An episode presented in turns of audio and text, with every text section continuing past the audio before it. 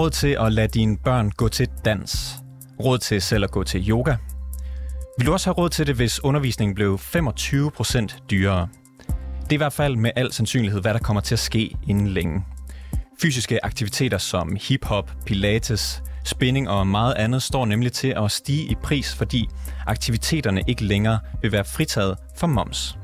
Der skal heller ikke have nogen tvivl om, at det hverken var den forrige eller den nuværende regering, Øh, der havde noget ønske om at udvide momspligten på undervisning. Skatteminister Jeppe Brugs han beklager, hvis der i fremtiden skal være moms på aktiviteterne. Men han forklarer også, at der ikke er noget at gøre ved det. Det er EU's skyld, og der skal vi i Danmark bare ret ind. Men er det nu også helt rigtigt, når skatteministeren påstår, at vi er bundet på hænder og fødder? Eller har politikerne simpelthen sovet i timen? Det er rapporterne i dag. Mit navn er August Stenbrun.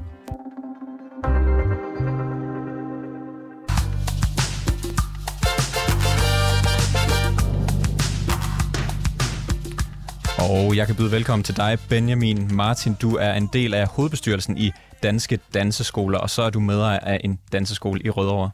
Det er korrekt. Tak for invitationen. Jeg tænder lige for din mikrofon, fordi så kan man også høre, hvad du siger. Så kan Øh, man høre, at jeg siger pænt tak for invitationen, og det er helt korrekt.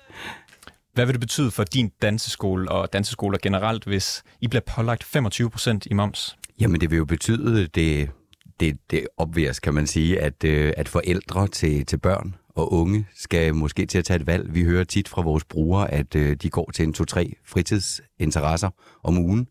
Og øh, hvis bare et par stykker af dem bliver pålagt 25% moms, så vil der jo være noget, der skal vælges fra. Øh, og det kan jo selvfølgelig betyde et, øh, et medlemsfald hos os.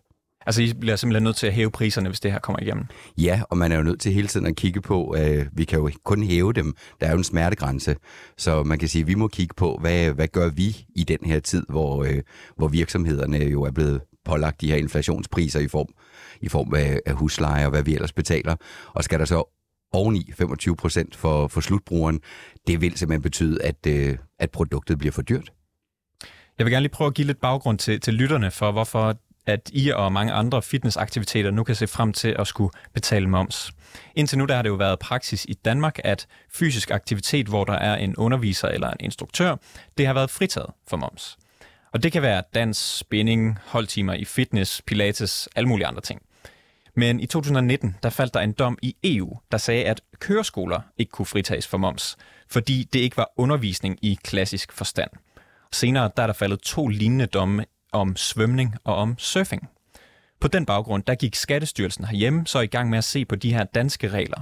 Og de har nu lagt op til, at vores lovgivning, den flugter ikke længere med EU's regler, som de skal. Og det er så i grå træk derfor, at I på danseskolerne kan se frem til at skulle betale moms inden længe. Senere i udsendelsen så spørger vi, øh, om vi fra dansk side har gjort nok øh, for at undgå, at fitnessaktiviteterne skal betale moms. Men Benjamin, tror du, at nogle af jeres elever vil være nødt til at stoppe til dans, hvis, man, hvis I hæver prisen med 25 procent? Ja, det er jeg ikke i tvivl om. Det, øh, det er helt klart, at det vil betyde et, øh, et frafald, og på den måde så skader det her jo en, en folkesundhed, som vi jo har hørt, øh, også fra vores regering, øh, stadigvæk er svækket efter corona. Der er rigtig mange børn og unge, der ikke er kommet tilbage og får dyrket sport og lever en sund hverdag. Og, øh, og ved det, den her forøgelse af, af udgiften for, for dem, der skal betale, så er det jo helt forfærdeligt. Og jeg synes også, i, i forlængelse af det, du siger med, har, har man gjort nok? Jeg synes i hvert fald, at man ikke har gjort nok øh, i forhold til at kigge på, hvordan den her problematik er blevet løst i andre lande.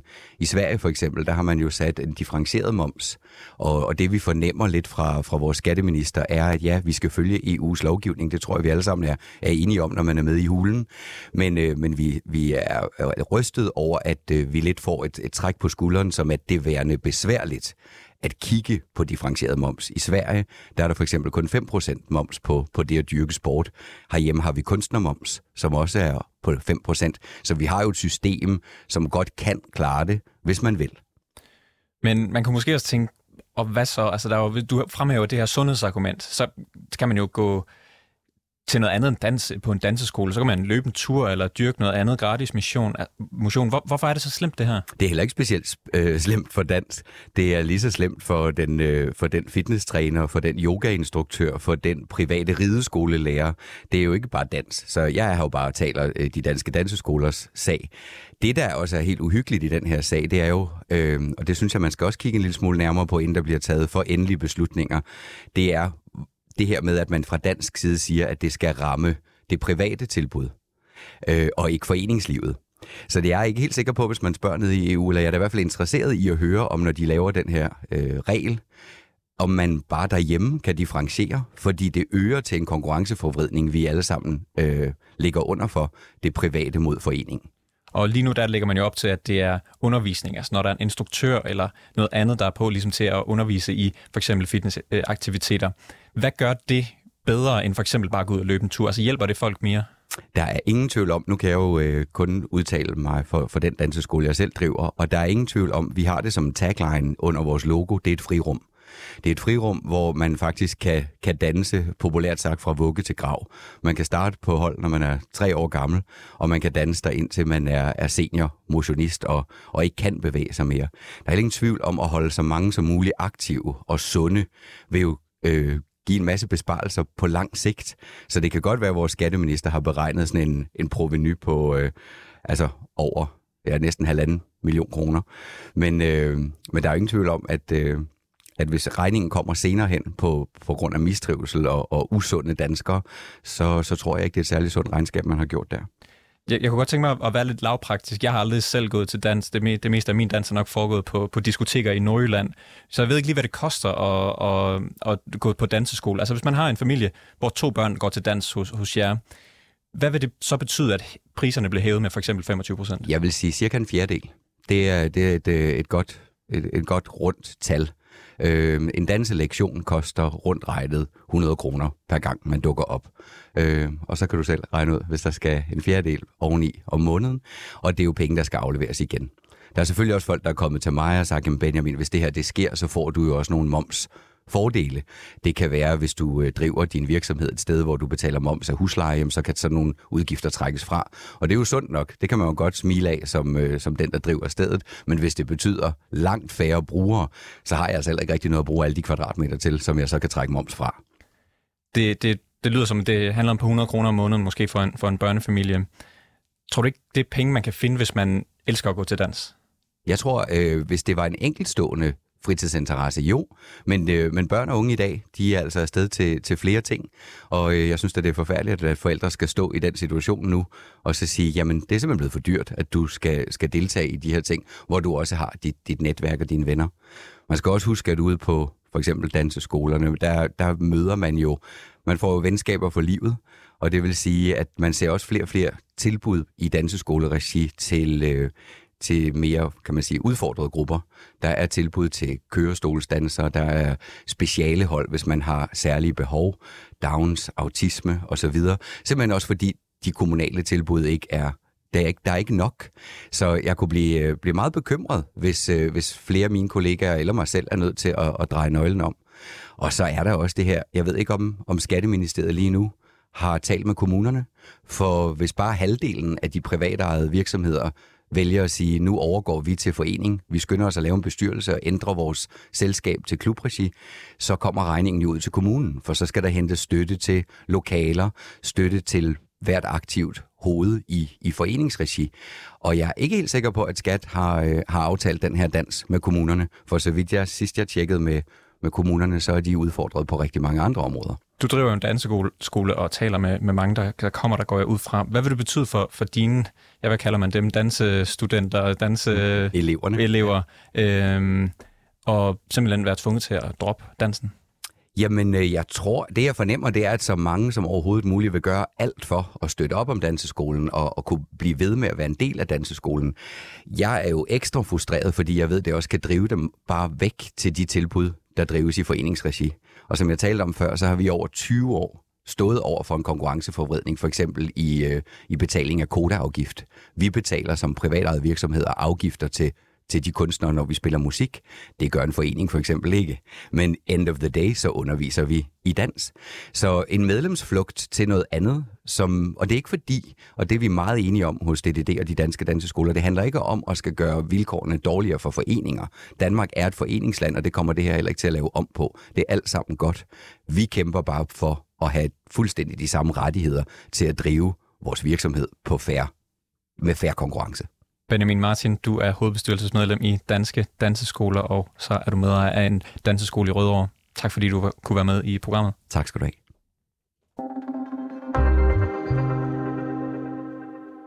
Let's get ready. Inhale and exhale. Again, lift and exhale. Two more times. Inhale. Chest is lifted. Det er ikke kun danseskolerne, der kan se frem til at blive pålagt moms. Det kan fitnesscentrene også, og, eller det vil sige personlig træning og holdundervisning i fitnesscentrene. Så hvis du er vant til at gå til Zumba, boksning, step eller på bodyfit hold, så kan du sandsynligvis også se frem til en prisstigning. Det er i hvert fald øh, din formodning, Kasper Munk Rasmussen. Du er chefkonsulent og SMV Danmarks repræsentant for fitnesscentrene. Velkommen til. Jo, tak.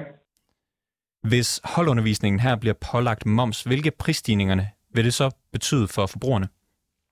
Jamen, jeg tror, det er vigtigt at slå fast øh, til at starte med, at det øh, vil ramme langt de fleste danskere, som har et fitnessabonnement, fordi at øh, der betaler du faktisk som, som en del af dit abonnement, så betaler du for øh, muligheden for at træne på et hold. Og det er jo sjældent, man, øh, man betaler specifikt for øh, at gå til spinning som en del af sit fitnessabonnement. Det er jo bare noget, man melder sig til nede i fitnesscenteret, øh, når man nu er dernede at træne. Ikke? Så øh, for eksempel på mit fitnessabonnement, der, der betaler jeg øh, 11% i moms i dag, og det vil jo så lande på de 25% i fremtiden. Så, øh, så det er jo de her 100.000 vis af danskere, som, som går til fitness øh, rundt omkring i centrene, de kommer alle sammen til at betale noget mere for at dyrke motion. Der har jo allerede i lyset af inflation og energikrise været prisstigninger rundt omkring, også på fitnessabonnementerne. Kan man se, at det har fået folk til at melde sig ud? Ja, altså vi kan i hvert fald se, allerede øh, har vi jo øh, færre, der træner øh, som følge af corona, hvor mange kom hjem på sofaen i stedet for ikke rigtig at komme ud i gang igen. Øh, og så har folk jo så fået færre penge mellem hænderne, fordi at øh, de skal betale noget mere rente øh, for deres boliglån og mere for benzin og andre fornødenheder, og derfor er der jo nogen, der har været nødt til at vælge nogle fritidsinteresser fra, og det kan vi jo klart se øh, ude øh, i nogle af centrene, at øh, vi har for eksempel øh, nogle familier, hvor mange har, har trænet sammen, altså hvor en hel familie har, har sagt op øh, i, i fællesskab og sagt, at det er simpelthen ikke råd til som familie at have de her abonnementer mere. Så, øh, så det er jo klart, at øh, timingen er også rigtig dårlig øh, i forhold til at lægge ekstra moms og, og afgifter på, øh, på motionen. Så hvis prisen den får et ekstra nyk op den her gang, så vil det betyde endnu, endnu lavere medlemstal i fitnesscentrene? Ja, men altså, det er jo et rimelig anerkendt økonomisk øh, princip, kan man sige, at hvis du sætter prisen op på noget, så er der færre, der vil købe det. Så øh, ja, altså, så vil der jo forsvinde nogle mennesker derude, at der er færre danskere, som vil, vil træne øh, nede i fitnesscenteret på, på løbebåndet eller romaskinen, eller hvad man nu laver nede. Hvad vil det betyde for fitnesscentrene? Jamen altså, det er klart, at nogen vil måske blive skubbet ned under et medlemsantal, som, som, som, som er nødvendigt for at opretholde et fitnesscenter. Altså, så lukker man butikken, og så, øh, så vil man jo øh, som, som dansker øh, miste sit fitnesscenter og skulle køre lidt længere for at træne, og det ved vi jo godt, at det skal helst ligge øh, mellem øh, der, hvor du arbejder og der, hvor du bor. Så hvis du får for langt, så, så er der også nogle danskere, der vil vælge fra øh, i det hele taget træning. Så, så det er jo et problem i forhold til, til folkesundheden, som vi ser det.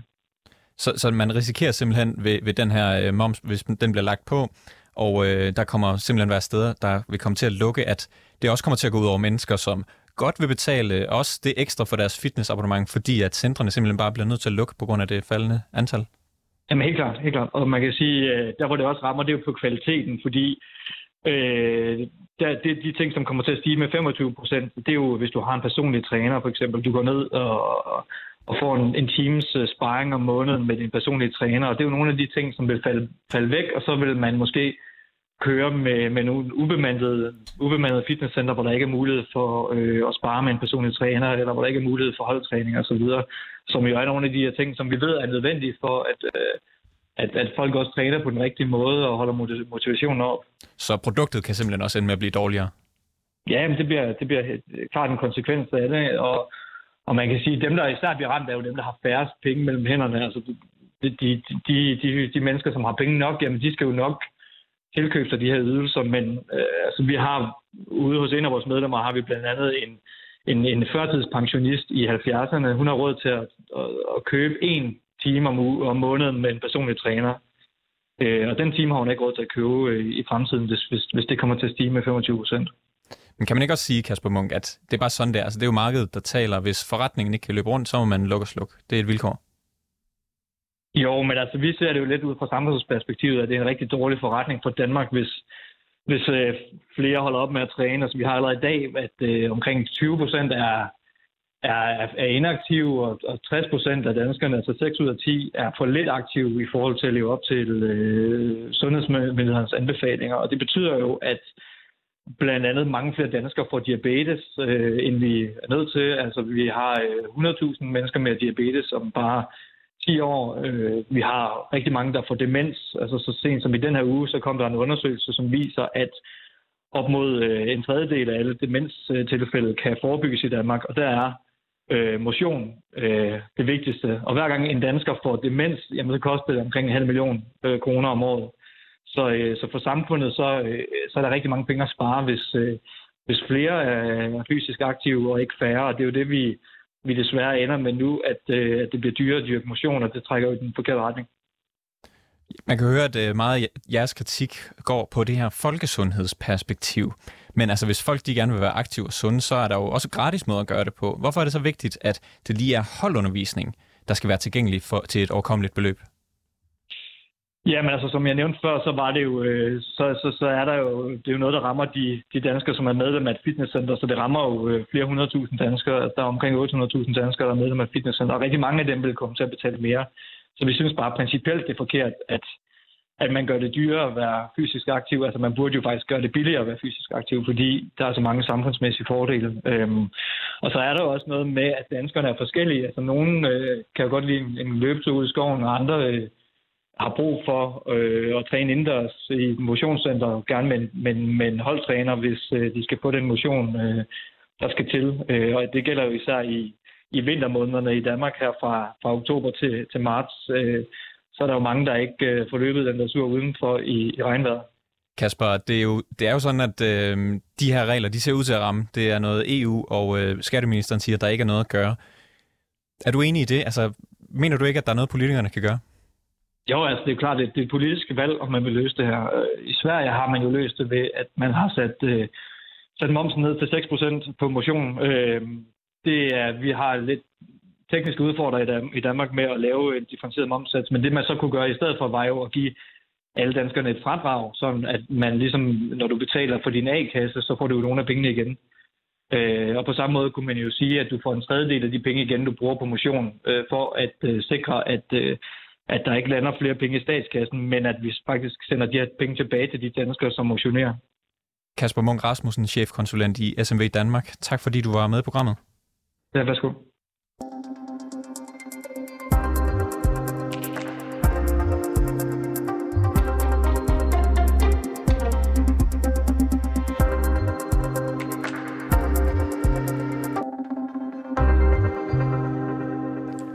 Mads Lind, er du bekymret for, at aktiviteter som yoga, spinning eller Benjamin Martin, som vi hørte tidligere, hans dansehold ser ud til at blive dyrere inden længe?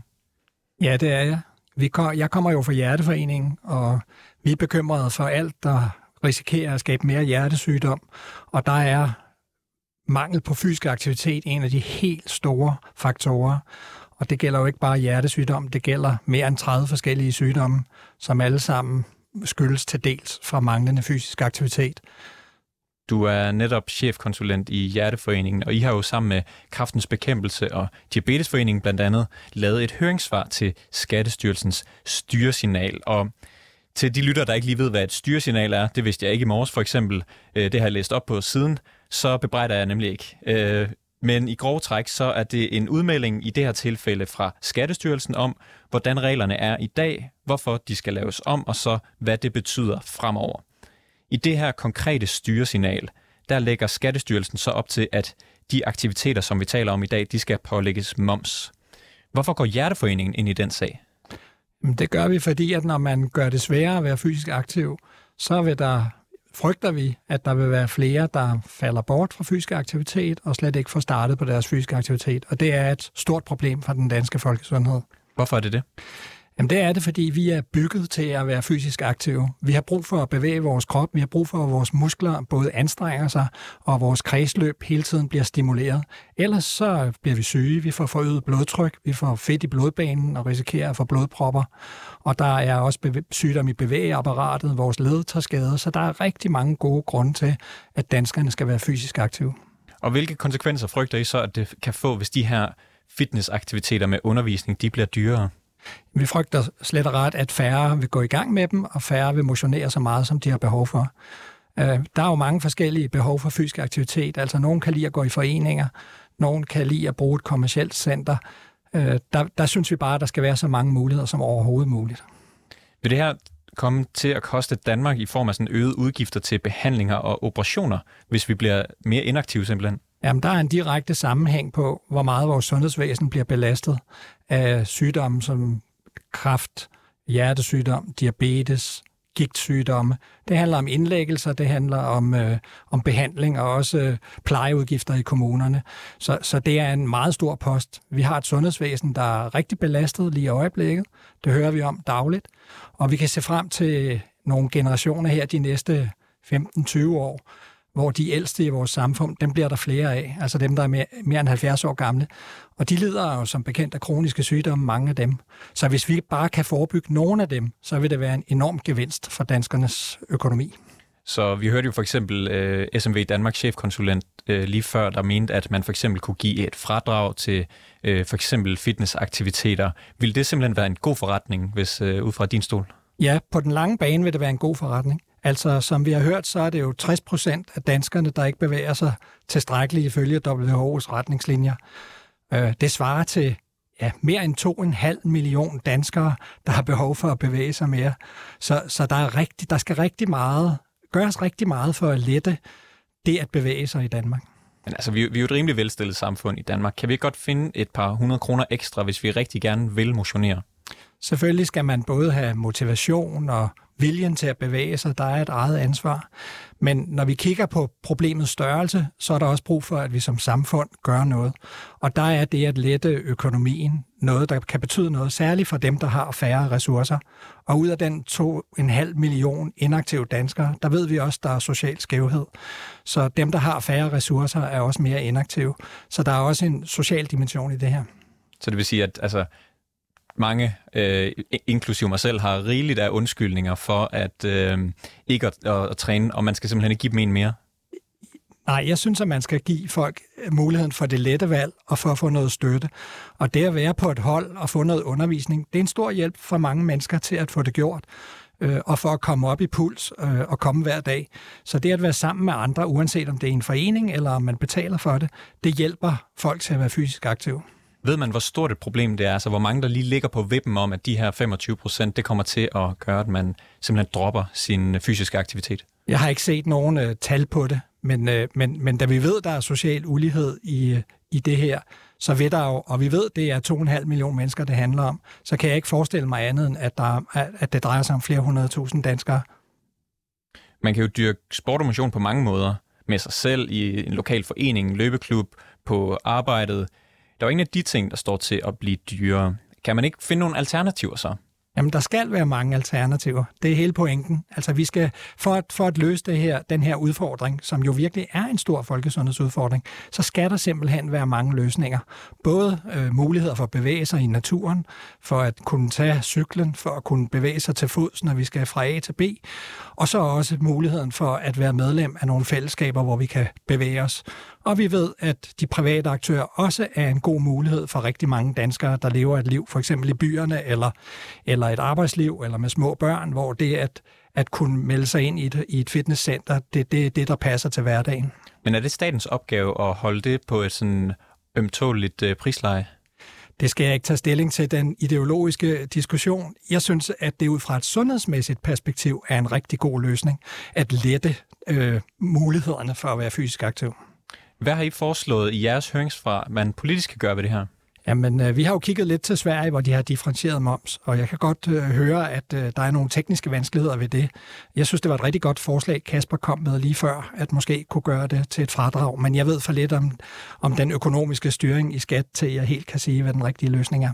Men du mener, at der findes en løsning, som man kan komme frem til politisk? Man er ikke bundet på hænder og fødder? Nej, politik er jo at træffe beslutninger, så der er jo ikke noget, der er hugget i sten. Så selvfølgelig kan man finde en løsning, hvis man, hvis man politisk vil. Så hvis man for eksempel som skatteminister synes, det er virkelig brandærgerligt, at det her kommer, men, men man ikke føler, man kan gøre noget, så, så er der for eksempel fradrag, eller som du selv siger, differentieret moms at, at kigge på? Ja, uden at jeg er ekspert, så, så, så, så vil jeg tro det, ja.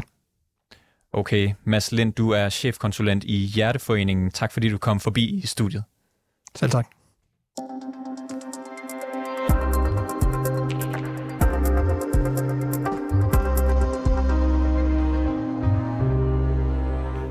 Spørgsmålet er nu, om det er rigtigt, når skatteminister Jeppe Brugs han siger, at der ikke er andet at gøre fra dansk side, end at indrette sig efter EU og så lægge det her moms på danske fitnessvaner. Det mener vores næste gæst i hvert fald ikke, og det er jo dig, Søren Søndergaard. Du er EU-ordfører for Enhedslisten. Ja, det er rigtigt. Velkommen til programmet. Tak.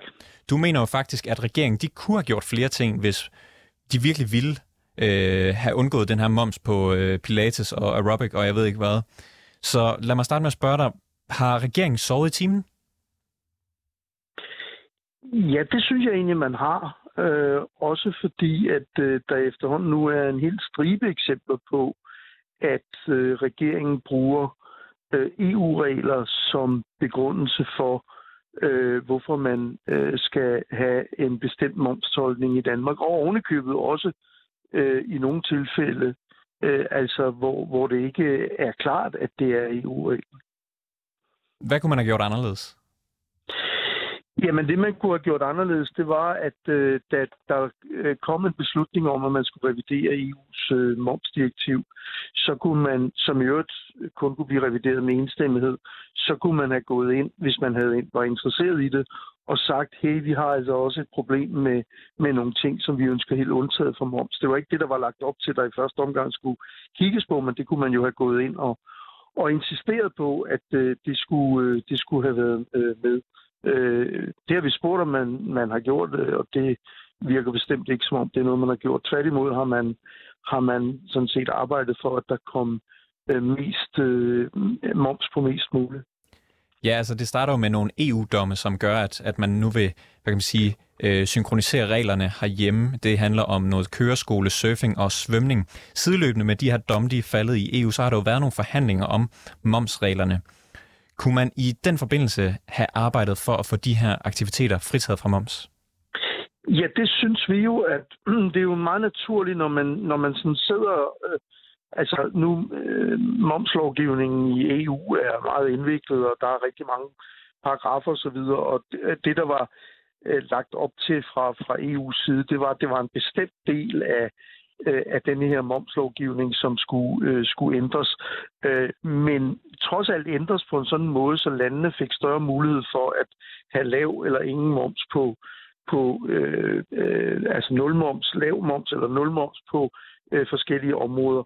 Øh, og der ville det selvfølgelig have været naturligt, at øh, den danske regering havde taget, havde, havde taget op og sagt, jamen hey, der er nogle områder, vi, vi, vi slet ikke synes skal, altså som det helt fritages, de skal ikke bare have nulmoms, de skal helt fritages for at være i momssystemet, øh, og, øh, og havde prøvet at lægge, lægge pres på kommissionen for at få dem til at, øh, at øh, tage det med også. Hvorfor tror du, de ikke har gjort det? Jamen altså, hvis vi, øh, hvis vi kigger konkret på, på, øh, på danseskolerne og den slags ting, så er det jo efter vores øh, altså, motionscenter og så videre, så er det jo Øh, øh, altså kan vi jo, i hvert fald så vidt vi kan finde frem til, så har Skatteministeriet på eget initiativ allerede tilbage i 2001, altså for over 20 år siden, faktisk forsøgt at få ophævet den momsfritagelse, som eksisterede. Så øh, jeg tror mere, det hænger sammen med, at der sådan set hele tiden har været et ønske øh, i Skatteministeriet, eller måske i Finansministeriet, hvad vil jeg, for at finansiere forskellige ting og sager, og få mest muligt øh, Øh, fritaget fra, øh, fra momsfritagelse for på den måde at kunne øh, få nogle flere penge i kassen. Øh, og et andet eksempel, jeg godt vil inddrage her, det er jo, at øh, Vi har noget, der hedder øh, øh, fritagelse, øh, momsfritagelse på, på, på kulturelle, øh, visse kulturelle ydelser. Øh, og øh, det gik man ind og ophævede, og pengene, øh, øh, man ophævede det, øh, eller det er jo så ikke blevet ophævet nu, fordi der er blevet protesteret mod det, men, men man foreslog det ophævet som en led i finansieringen af kriminalforsorgsforliget. Altså, det var helt klart, at øh, man, man foreslog det for at få penge til at finansiere noget helt andet.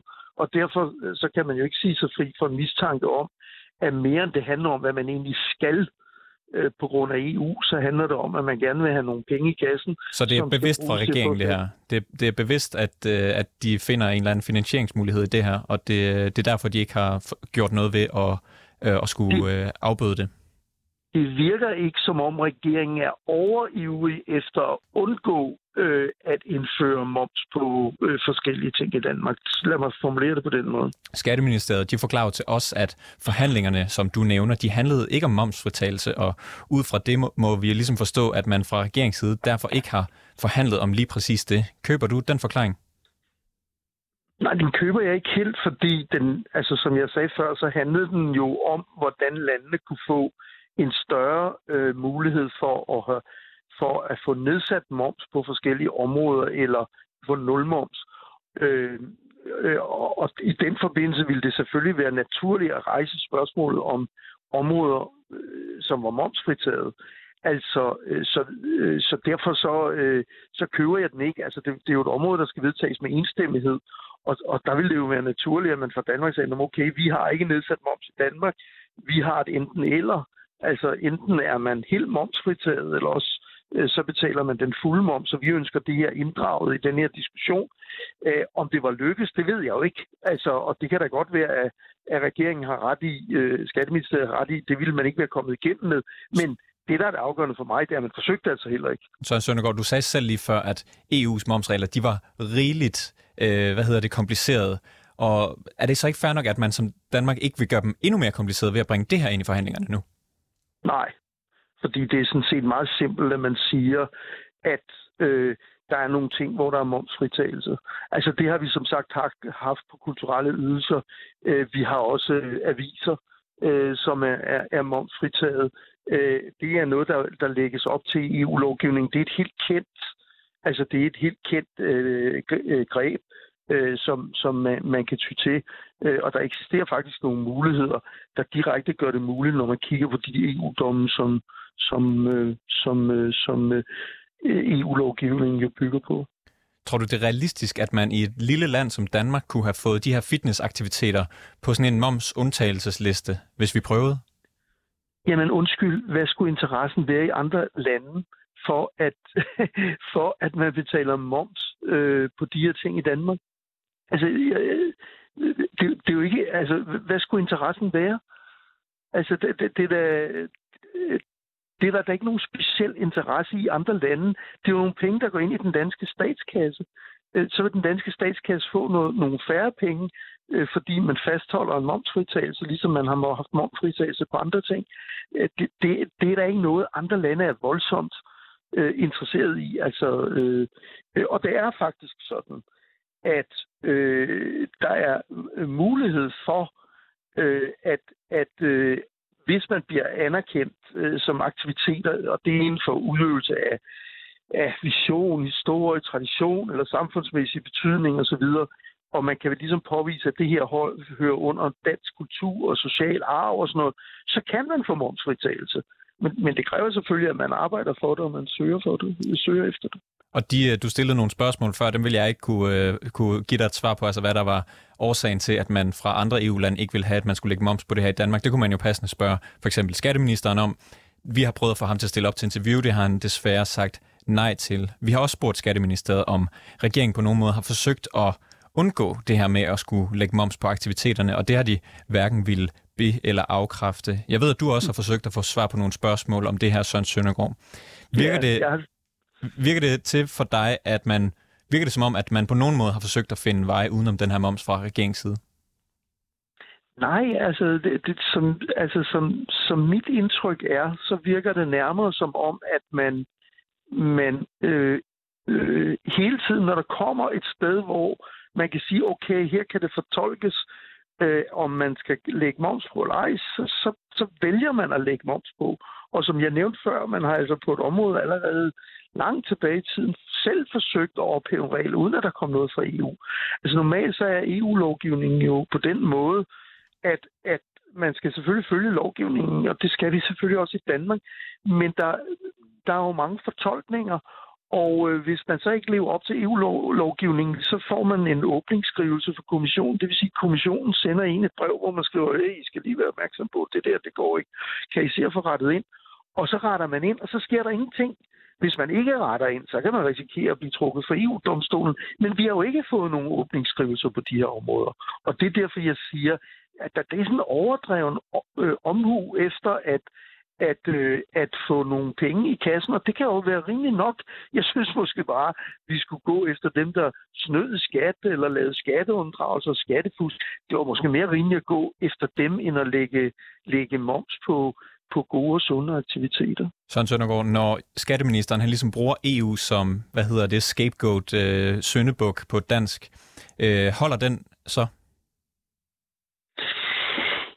Jeg vil ikke gøre det til et spørgsmål om skatteministeren, fordi skatteministeren har jo et embedsapparat, og jeg, altså, jeg, jeg er jo ikke i tvivl om, at, at de går ind og laver nogle tolkninger øh, på det, og, og det er jo også det, skatteministeren henviser til. Men, men jeg vil sige, øh, energien er ikke gået, hvad skal vi sige, i hvordan man kunne undgå øh, og, øh, og, og lægge moms på ting. Altså, det er lige det stik modsatte. Øh, og, og derfor kan man jo få den mistanke, at det, det sådan set ikke rigtig gør noget, øh, at man gør noget, som er upopulært i Danmark, og så giver EU skylden, fordi så kan man bruge det til et eller andet. Som for eksempel, når man lægger moms på kulturelle ydelser, og så allerede på forhånd har brugt pengene til at finansiere et, øh, et øh, kriminalt forsvarsforlig.